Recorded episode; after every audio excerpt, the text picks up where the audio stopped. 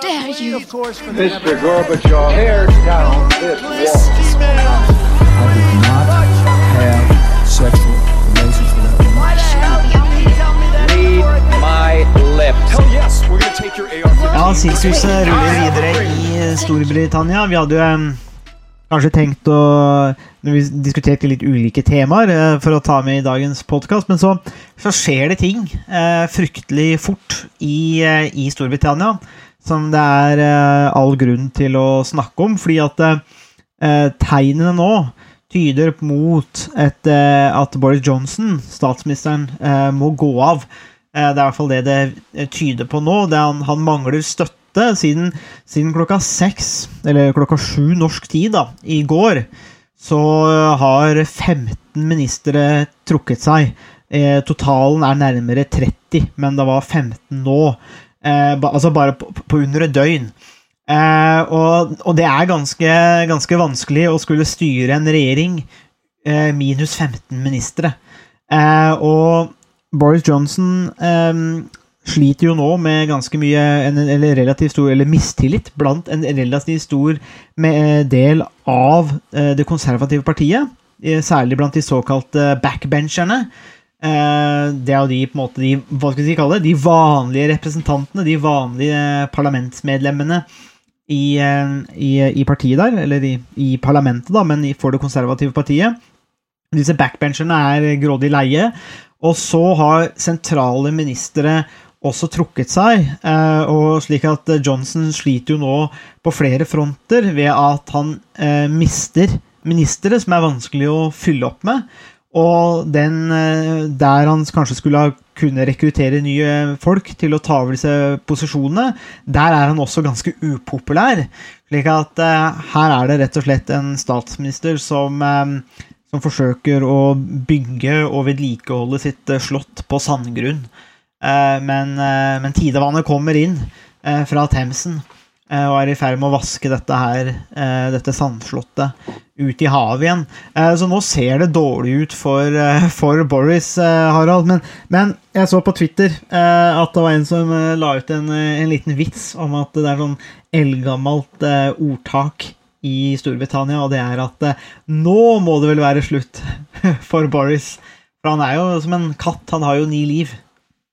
Ja, og det er også blitt sagt at han har brukt opp 13 av de ni livene han har eh, som katt eh, også. Um, nei, altså um, Det å bli vaska ut av vannet fra Themsen, det er jo ikke akkurat uh, så veldig behagelig. Og det, det vannet i Themsen er jo ikke så veldig rent heller, så uh, det sier jo litt om hvor, hvor skittent eh, dagens regjering Storbritannia er. Og mange er jo overraska kanskje over at det har tatt så lang tid eh, for at eh, både eh, de andre politikerne i det konservative partiet eh, og også velgerne skal innse at eh, Boris Johnson har egentlig aldri vært eh, klar for jobben som statsminister. Mm.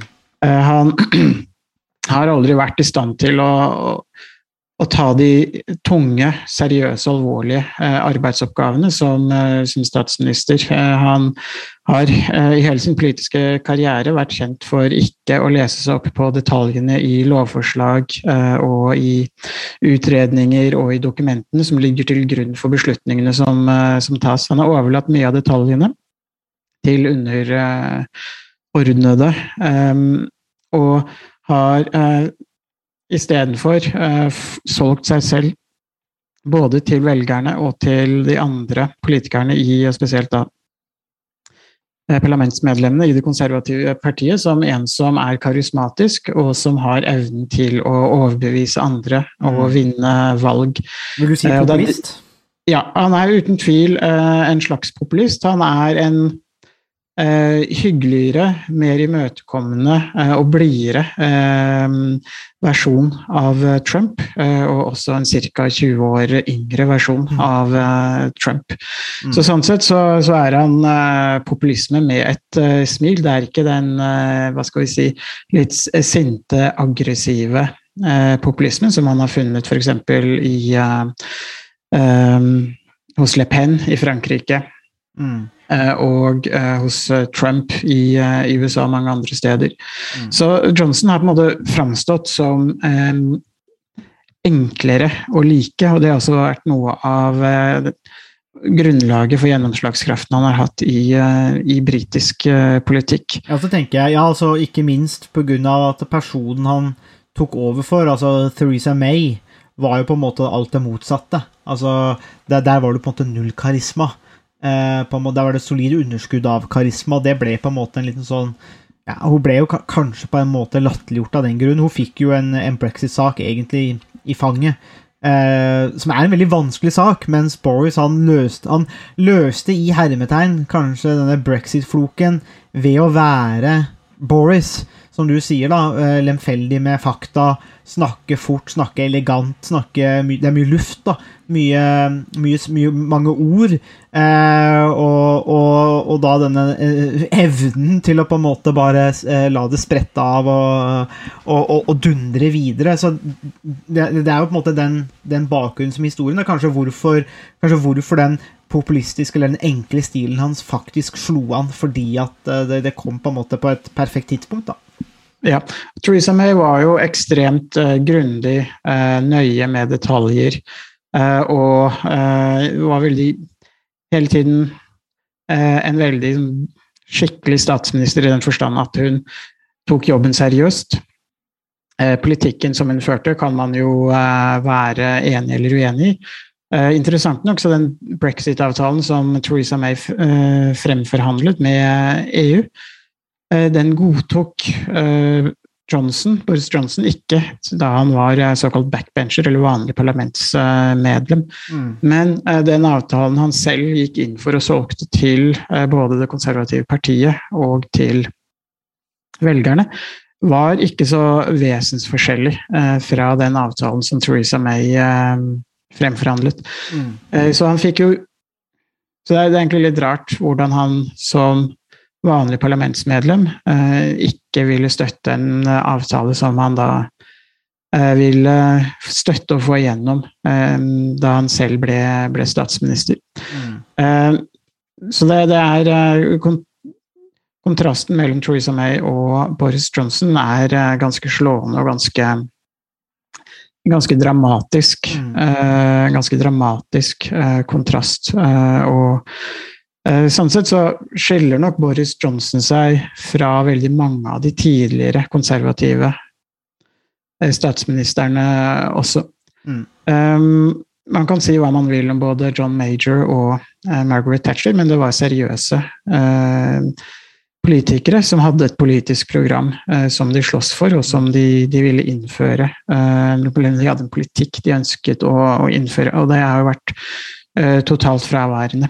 Han har jo hele tida, egentlig, eller i hvert fall har jeg fått inntrykk av hele veien med Boris Johnson, at det er jo nesten et lite spill. Altså Det virker som at Og det har han, har han fått mye kritikk for, særlig kanskje fra venstresida i, i Storbritannia, at uh, dette er på en måte Eton, Ox, uh, Eton og Oxford-eliten som leker uh, prime minister, eller statsminister. Um, og på en måte så, så, så skjønner jeg det òg, fordi at eh, han er jo meget privilegert. og om han mislykkes i en jobb altså Han har jo nok materielle ressurser han til å leve et fint liv, og vil jo alltid for så vidt i lang tid for så vidt være en interessant figur, i hvert fall for mange medier, da, sånn, sånn, sånn, sånn type Daily Mail, Telegraph osv., som også Rupert Murdoch styrte medier, hvor, hvor, det, hvor disse tingene slår an. Han, han, han vil jo stort sett alltid ha en jobb, eh, men, men det er, det, man kan jo kanskje få inntrykk av noen ganger, når du ser Boris Johnson, at, eh, at det å være statsminister er ikke nødvendigvis liksom eh, Det er ikke kallet, da. Det er, ikke, det er ikke det du på en måte virkelig brenner for. Det er et slags spill, det er en slags statusposisjon, og så, og så, og så er man såpass privilegert òg at eh, konsekvensene de er ikke det samme da, eh, som for mange andre. Ja. Man får inntrykk av at for Boris Johnson så er jobben som politiker og som statsminister akkurat som eh, den rollen han har hatt eh, i debattklubber og i debattkonkurranser eh, på Oxford og hvor han studerte. Mm.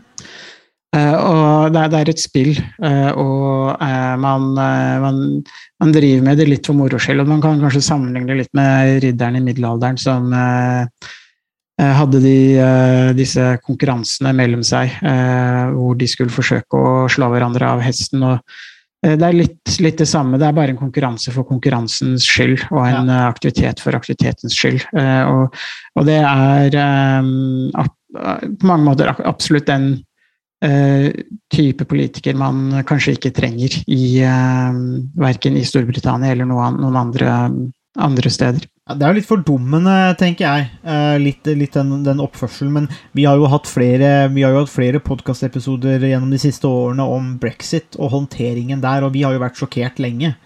Nei, å ja. Vi, vi har jo, vært, eh, vi har jo hatt podkast i flere år om brexit eh, og, og britisk politikk, og vi har også vært på en måte litt Vi har jo rista på hodet i flere år, egentlig, over, over måte, hvor, hvor, hvor lemfeldig de, man tar f.eks. brexit. da.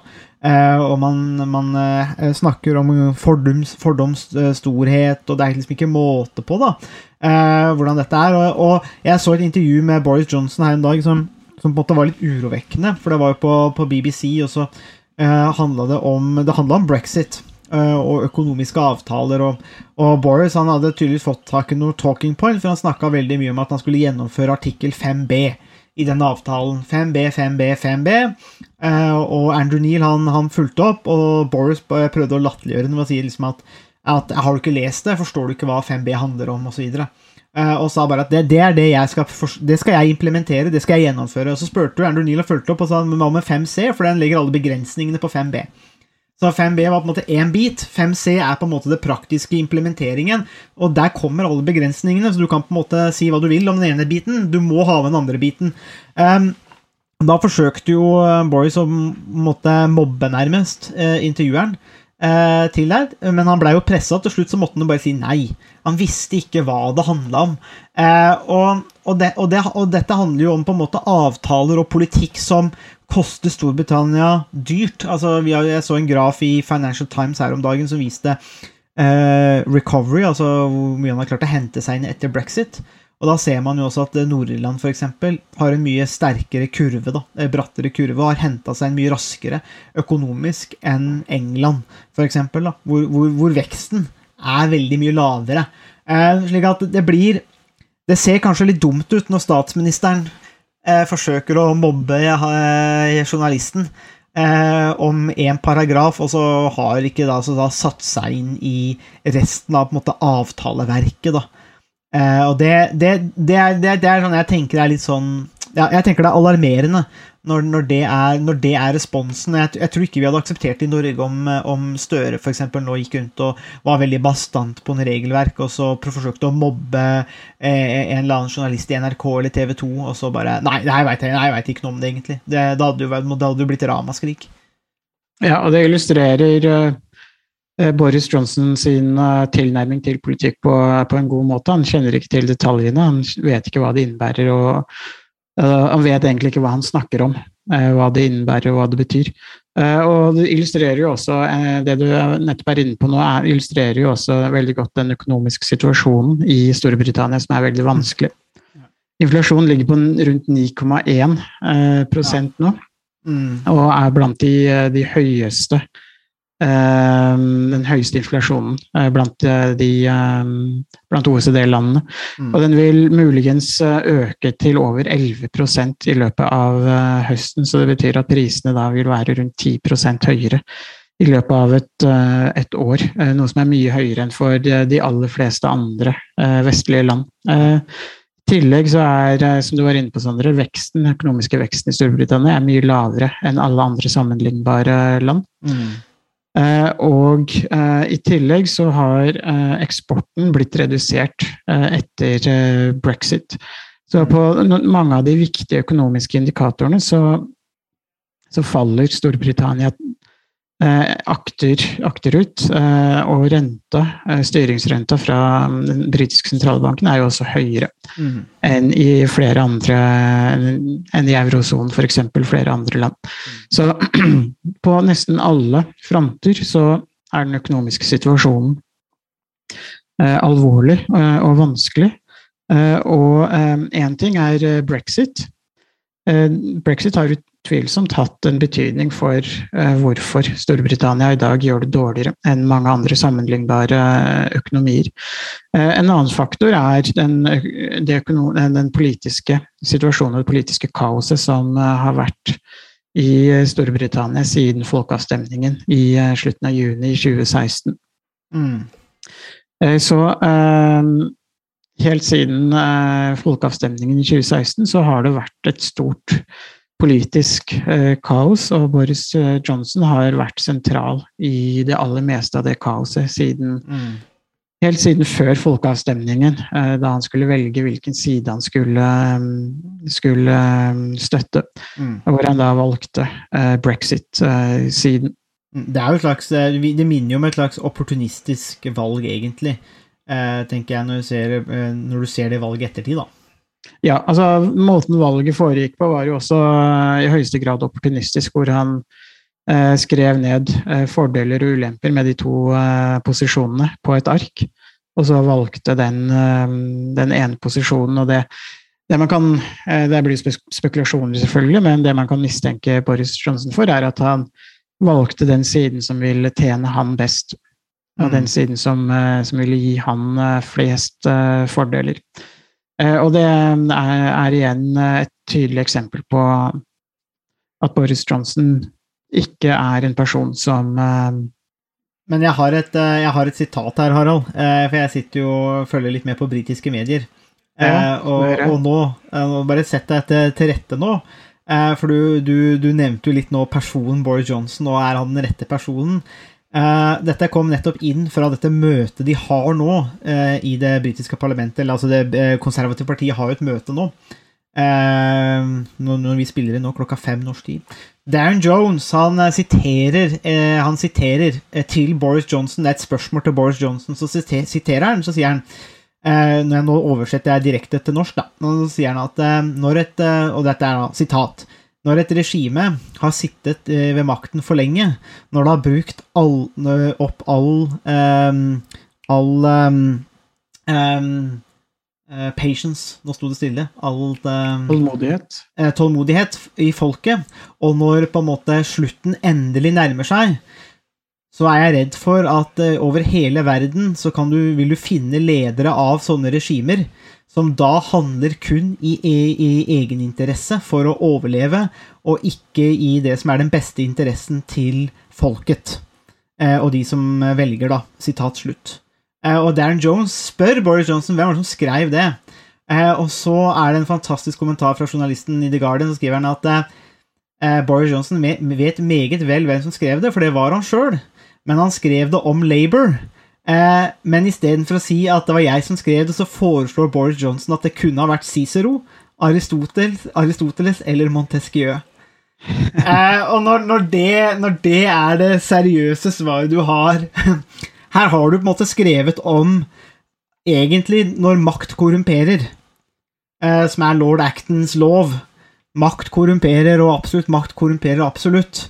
Og så har han skrevet om dette for å angripe Labour. Jeg vil anta sikkert rundt Jeremy Corbyn, eh, og det var sikkert gode grunner til det til òg. Så blir det vendt mot han sjøl. Så klarer jo ikke Boris Johnson da å si at ja, det var det jeg skrev. Han klarer ikke å ta inn over seg det som egentlig er visdommen i det han faktisk skrev, for det er jo på en måte korrekt. Eh, Men setter seg da, sidestiller seg da kanskje med Cicero, Aristoteles og Montesquieu, og det Ja, det er jo Hva skal vi si om det, da?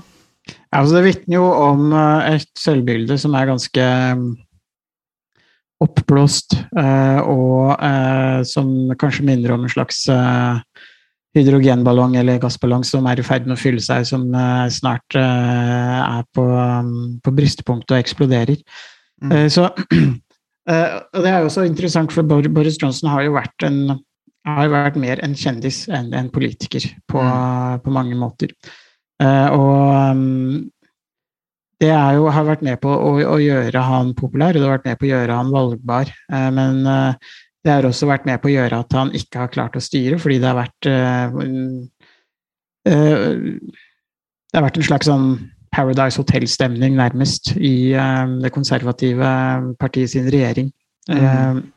spesielt i Downing Street. Eh, hvor, eh, hvor Boris, eh, eller hvor statsministeren, eh, holder hus. Mm. Eh, men det her er, også, er jo også en alvorlig situasjon for Storbritannia. Eh, I Skottland så ønsker det nasjonalistiske partiet å gjennomføre en ny folkeavstemning om uavhengighet fra Storbritannia.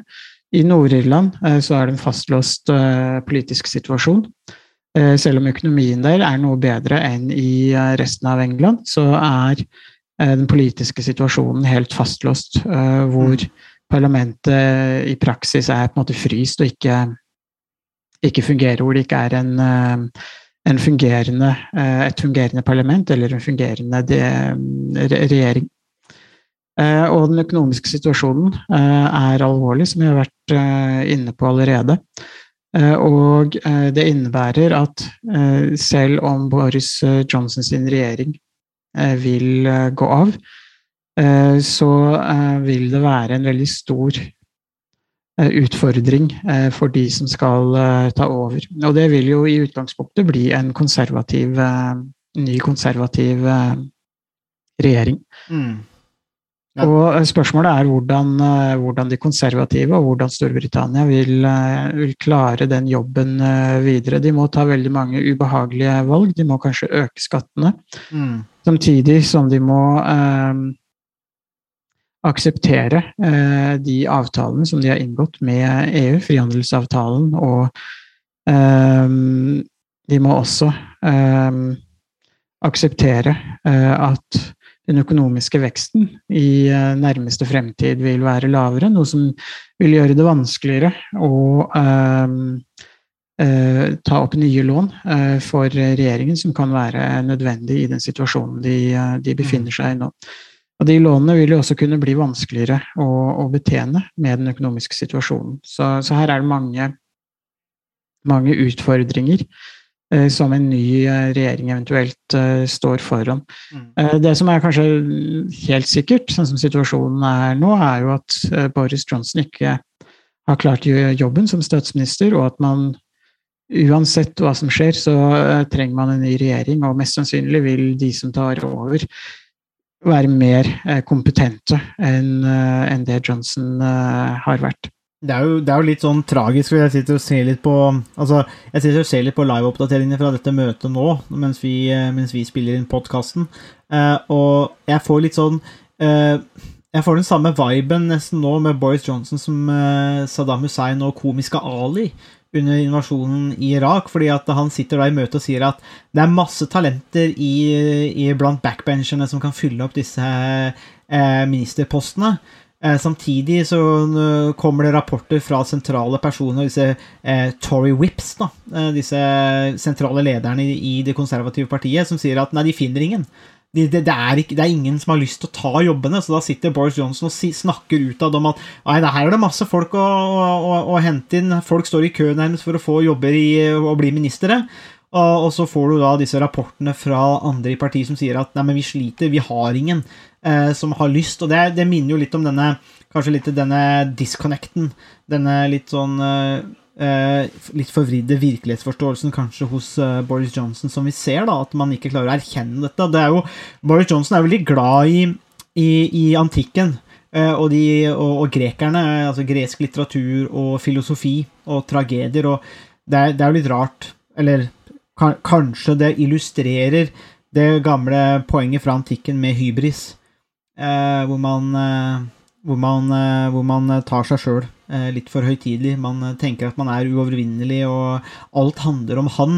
For det er jo det som på en måte er litt det tragiske her. at du, det, det, det, det virker som at når man har mye makt òg, så blir det desto vanskeligere å se feilene som man, man gjør, eller at man kanskje ikke passer til en jobb. Eh, hvor, det sto, hvor, det på en måte det, det vanskelige og det riktige er, er å gå av og på en måte erkjenne det. Eh, mens eh, han har jo på en måte ikke den evnen. Men, men jeg får litt sånn der komiske Ali-vibes når jeg ser der at han Det kommer rapporter, folk trekker seg en masse. Det er en stor del av parlamentsmedlemmene som har en tydelig uttrykt en tydelig mistillit til deg, og likevel så påstår du at du har all denne støtten, og du har drevet tapt viktige eh, valg nå, eller seter, eh, ulike, eh, rundt omkring i England. Og det, kan, det kan kanskje være derfor det eh, konservative partiet og eh, Det kan vi jo si mye om òg. Altså, burde det ikke vært slutt for Boris Johnson for lenge siden? Hvis det virkelig var noe integritet i det konservative partiet? Det er det sikkert mange som, som, som spør seg om. Eh, men jeg tror jo at noe av det er jo egentlig kanskje kynisk òg. De ser jo nå at den Boris Johnson-bølgen, som tross alt eh, var ganske stor ganske lenge, og som det konservative partiet kunne surfe på, den har dødd. Eh, Boris Johnson har på en måte gjort seg mer og mer uspiselig, eh, og dette ser partiet ut til å tape på. Eh, slik at eh, Boris Johnson Det som kan skje, er jo at Boris Johnson blir så upopulær at selv når eh, kandidater stiller til valg i ulike eh, områder, så kan de miste stemme rett og slett fordi at folk helst vil stemme på noen andre enn Boris. Altså man, man stemmer ikke på den konservative representanten for Sponvika, Harald Borgerbund. Man stemmer mot partilederen eh, Boris Johnson. Og det er jo det er den situasjonen som jeg tror mange, eh, mange frykter, og det så vi også på han eh, eh ministeren Javid, som hadde den talen i parlamentet hvor han sa at eh, Uh, han beklaga at det var mange av medlemmene, eller parlamentsmedlemmene, når de skulle stille til valg, som måtte svare for Boris Johnsons oppførsel, og ikke på en måte deres egen politikk, da. Ja, uh, og det understreker bare hvor alvorlig situasjonen er når Boris Johnson uh, ikke er i stand til å utnevne erstatninger for de som, som trekker seg. Det burde normalt sett være en ganske enkel sak, men det er klart nå er det jo veldig mange som trekker seg på kort tid. Eh, og man har antagelig ikke eh, verken noen som eh, ønsker eller har kompetanse til å ta mange av de ministerjobbene som blir ledige. Og sånn sett så, så er det jo Altså, du var inne på Boris Johnson sin kjærlighet for den klassiske antikken. den har jo også sin uh, utdannelse uh, fra Oxford i uh, det som kalles classics, som handler om de klassiske tekstene fra, fra, antikken. Mm. Og Johnson kan jo minne om en blanding av hybris, som du var inne på, Sondre, men også fortellingen og myten om Narsissus, som forelsker seg i sitt uh, eget uh, speilbilde, og hvor alt uh, handler om han selv. og hvor han da egentlig bare blir opptatt av seg selv. Og det er jo noe av det som man får inntrykk av med Boris mm. Johnson også, at her er det en som, som kun er opptatt av seg selv og hva han får ut av ting. Mm. og Johnson har jo også blitt beskyldt for å bruke krigen i Ukraina eh, som en slags redningsplanke, hvor han kan eh, vise handlekraft, og hvor han kan vise støtte, og hvor han kan eh, fremstå som en, en, større statsleder, og litt som kanskje forbildet hans Winston Churchill, som han eh, nå sikkert etter hvert får tid til å skrive ferdig biografien sin om. Mm. Eh, han har jo skrevet eh, kontrakt med et eh, britisk forlag om å skrive en biografi om Winston Churchill, som er hans store politiske forbilde. Han har også fått et forskudd på den boka, men har ikke klart å skrive den ferdig.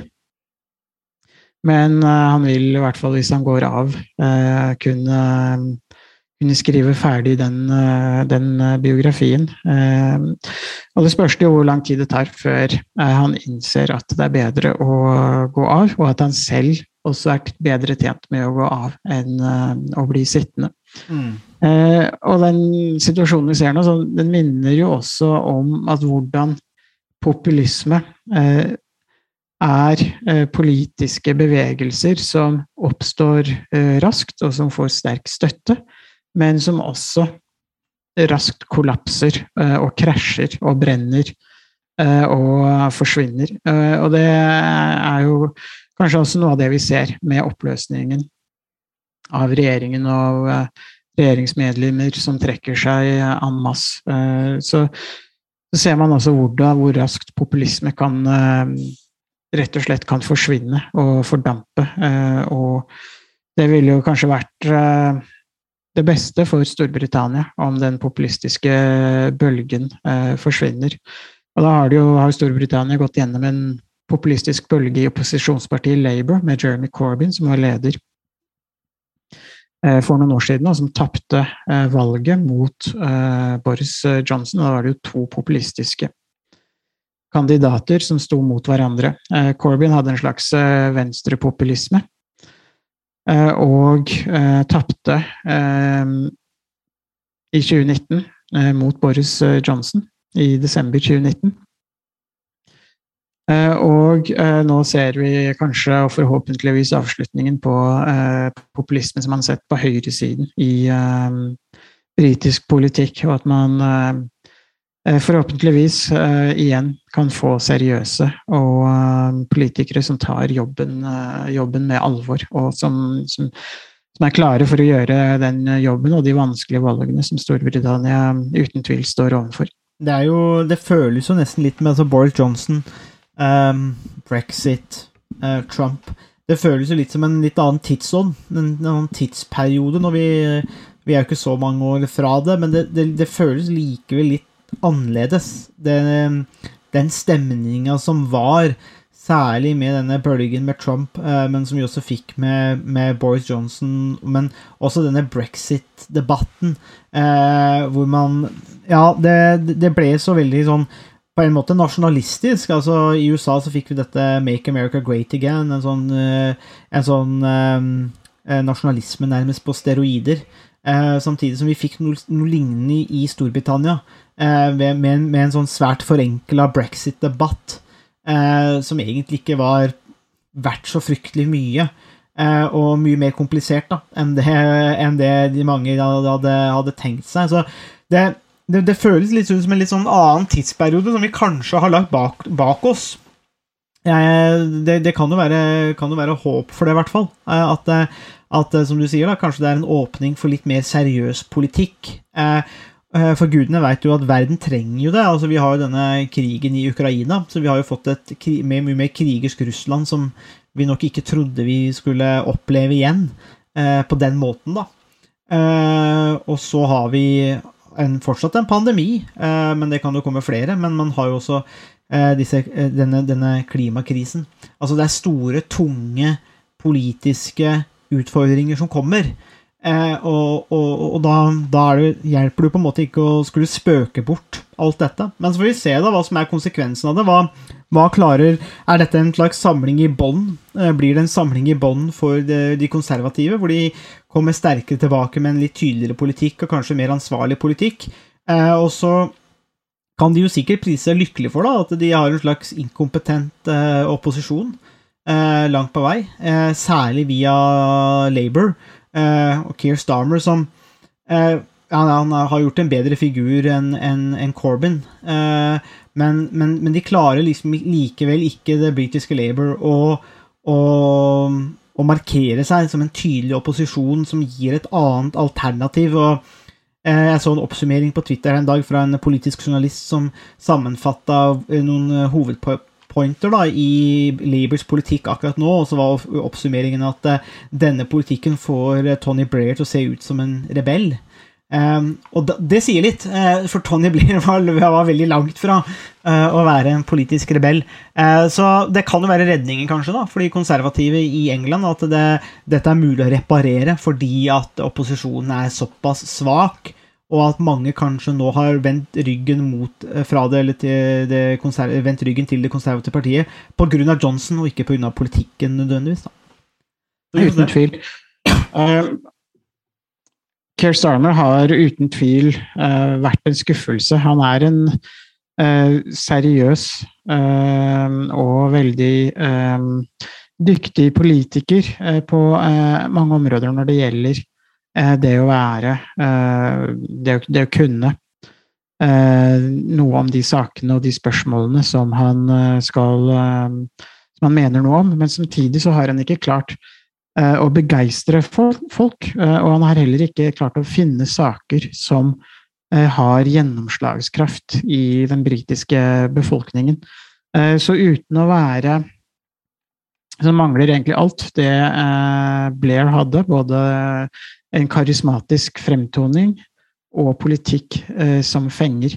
Eh, og eh, det gjør at eh, de konservative eh, de vil nok kunne klare å, å beholde makten en god stund eh, fortsatt, og de kan også kunne vinne valg igjen i, i fremtiden. Nettopp fordi at opposisjonen rett og slett er så svak. Men det er også et stort problem for Storbritannia. Mm. rett og slett fordi at for demokratiet for at demokratiet skal fungere godt, så er man også avhengig av en oppegående og en sterk eh, opposisjon. Eh, og det mangler i dagens politiske landskap i, i Storbritannia. Eh, man har en svak og relativt splitta opposisjon. Eh, og eh, eh, Labour, Arbeiderpartiet i Storbritannia, er fortsatt splitta etter den opprivende lederstriden som han hadde etter valgnederlaget i 2019, hvor Jeremy Corbyn etter hvert trakk seg. Eh, så Labour er eh, ikke et eh, er ikke klare for å ta over regjeringsansvaret. Mm. Og det innebærer at da, da vil de konservative antagelig beholde makten i overskuelig fremtid i, i Storbritannia. Mm. Det er um det er spennende tider. Vi eh, trenger ikke gå dypere kanskje inn i britisk politikk i dag. Vi får se hva som skjer, for eh, det, det, det, vil skje mye. Det har skjedd mye på, på bare tolv timer. Eh, og på 24 timer så har man gått fra å være litt sånn shaky regjering til å nesten være en dødsdømt eh, regjering. Og det er, eh, det er, ganske spesielt, så politikken, eh, politikken går ganske fort. Det er jo Man kan jo her, for de som er interesserte i god britisk komedie, så kan jeg jo anbefale TV-serien The Thick of It, In the Thick of It, som er, handler om britisk politikk. Men der oppsummerer, og jeg tenker det kan jo være en god oppsummering av dagens episode og Boris Johnson, men det er, det er um, den ene politiske rådgiveren, eller um, spinndoktoren, den no notoriske uh, for det ene partiet, som oppsummerer den ene, ene ministeren som en omnishambles. Uh, den derre vandrende katastrofe. Sånn 24-7 vandrende katastrofe. Og idet han sender henne ned i heisen, så sier han at uh, You're like that coffee machine. From bean to cup, you fuck up. Takk for at uh, du hørte på Statsvitenskap og sånt. Har du spørsmål, kommentarer eller tilbakemelding, så er det bare å ta kontakt på vår Facebook-side, per e-post eller brevdue. Musikken er som vanlig laget av Robin Horvath, og Mats Halvorsen mikser og redigerer podkasten. Vi høres!